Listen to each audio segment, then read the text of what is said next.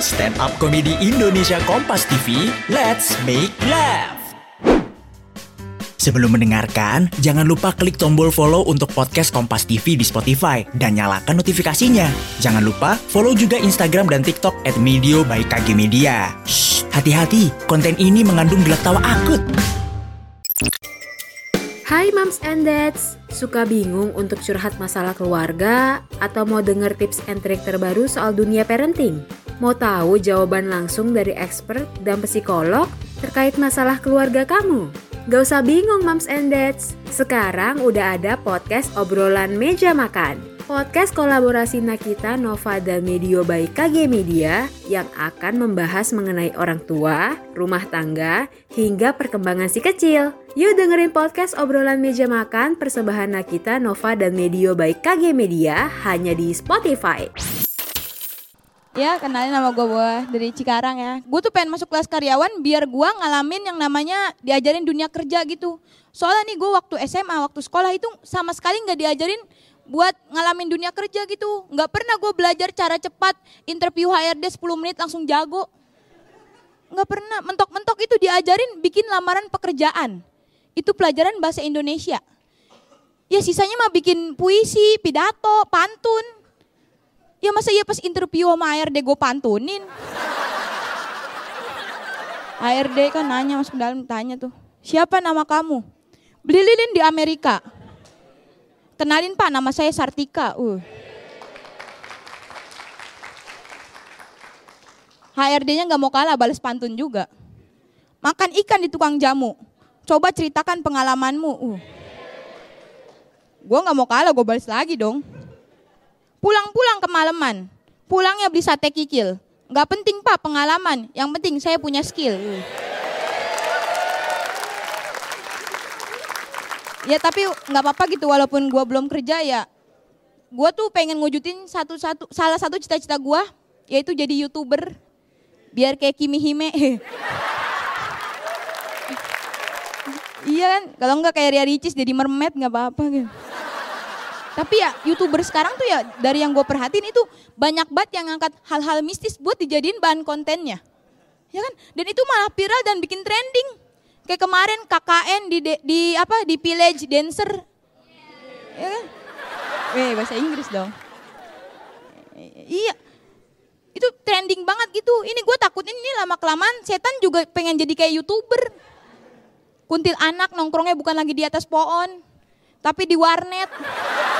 Kayak bocah SMA ngerjain makalah. Jin ketawanya bukan lagi hahaha tapi hahaha siap. gitu. Dan ngerinya nih karena sering diomongin gitu sama manusia, ini gue ngerasa nih setan sekarang udah nggak ada serem-seremnya lagi gitu di mata manusia. Udah nggak ada harga dirinya lah.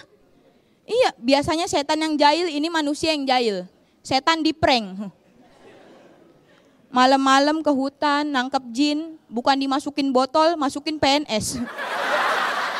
Setannya jadi dapat dana pensiun.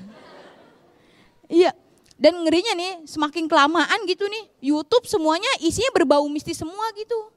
Ntar ada video tutorial make up kuntil anak natural. Dijamin glowing. Ntar ada lagi video cara memasak tumis kembang tujuh rupa. Ada lagi review popok tuyul remaja. Ini gitu. Ini kalau misalnya beneran setan ada di YouTube semua nih, ini manusia bukan yang takut malah pada ngepens. Ntar ada pen basenya Iya udah pokoknya itu apa pen bahasa ya. Bisa nggak lu bahasa Inggris? Muka lu mirip kamus. Ntar ada pen bahasanya gitu namanya Tan Lopers cabang Pulau Asem. Wes. Kumpulnya tiap malam Jumat. Nongkrongnya bukan di kafe tapi di kuburan. Kegiatannya kesurupan massal. Repot kan tiap kumpul mesti bawa dukun. Iya. Dan tapi nih eh, kalau misalnya beneran setan jadi youtuber, ini tuh ada pengaruh baiknya juga gitu buat para penggiat kesurupan. Kayak gua, gua kan sering kesurupan nih. Ini setan kalau ngerasukin orang udah nggak mesti repot-repot lagi gitu dipencet jempol, disembur. Ya gampang gitu ngeluarin yang ngeluarin setannya. Tinggal berisikin, terus takut-takutin. Gua unsubscribe lu. Itu langsung tuh setannya, iya iya saya pamit, saya pamit. Dua hari kemudian balik lagi. Ya, Ria Ricis lu ya. Mirip buntut mermaidnya mukanya. Iya, dan iya bener gitu tadi kata MC ya gue sering kesurupan. Dan karena sering kesurupan nih, lama kelamaan makin sini tuh gue ngerasa kayak friendly gitu sama makhluk kayak gitu. Iya, iya soalnya gue belakangan ini udah, bisa ngelihat dia kadang-kadang. Kayak waktu itu nih gue pulang jam 2 malam naik motor metik. Itu kerasa motor gue berat bener gua gua lihat kan kesepion ya buseng dah bener baik gue boncengin kayak gituan ya otomatis gue takut gue ngebut kan ini pas gue ngebut pundak gue kayak sakit di cengkerem gitu lah setan pegangan blow on banget ya segala takut jatuh ya padahal kan dia kalau jatuh juga nggak ngapa-ngapa kan mati ya udah mati paling diceng-cengin sama temen setan yang lainnya Wah, blow on lu. Naik metik doang jatuh. Gak cocok lu ikut lomba balap tong setan. Iya. Dan uh, dan bukan cuma itu doang gitu. Gara-gara gue dikenal sering kesurupan gitu sampai-sampai orang komiknya yang sering kesurupan pasti boa gitu. Nggak enak banget. Ya kalau Bang Rigen mah enak kan. Komika yang dikenal sebagai marah-marahnya. Pas dipanggil, naik stand up marah-marah orang ketawa ini kalau gue naik stand up terus gue kesurupan yang ada lu pada panik ya kan. Bukannya ketawa malah pada manggil dukun, paranormal, youtuber. Buat diplogin dapat adsense. Iya tapi jujur emang gue tuh capek gitu kesurupan mulu. Risa Saraswati mah enak kan kesurupan mulu dapat duit. adsense ngalir. Lah gue kesurupan mulu. Jempol gue pada bengkak dipencetin baik. Iya makanya gue udah berusaha gitu berobat. Segala metode pengobatan udah gue alamin tuh. Dari mulai di ini disembur, dikasih air adem pas gue minum airnya panas. Bahkan nih gue pernah dikasih air sama orang pinter buat mandi, tapi mandinya harus pas ajan maghrib. Lah ini orang pinter sumeng kali ya. Lah, maghrib maghrib mah sholat.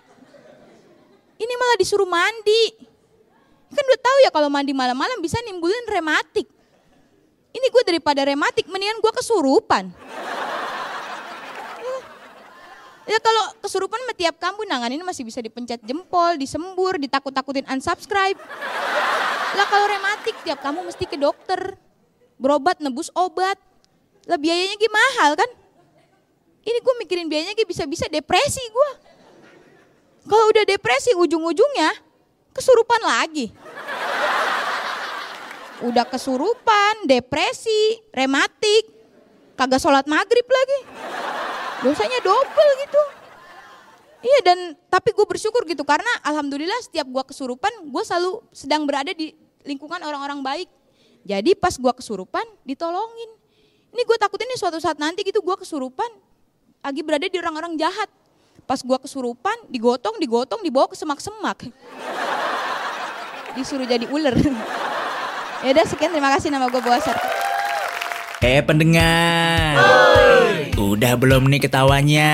Belum. Ketawanya kita lanjut lagi nanti ya, hanya di podcast Kompas TV edisi Stand Up Komedi Indonesia. Tayang tiap akhir pekan hanya di Spotify.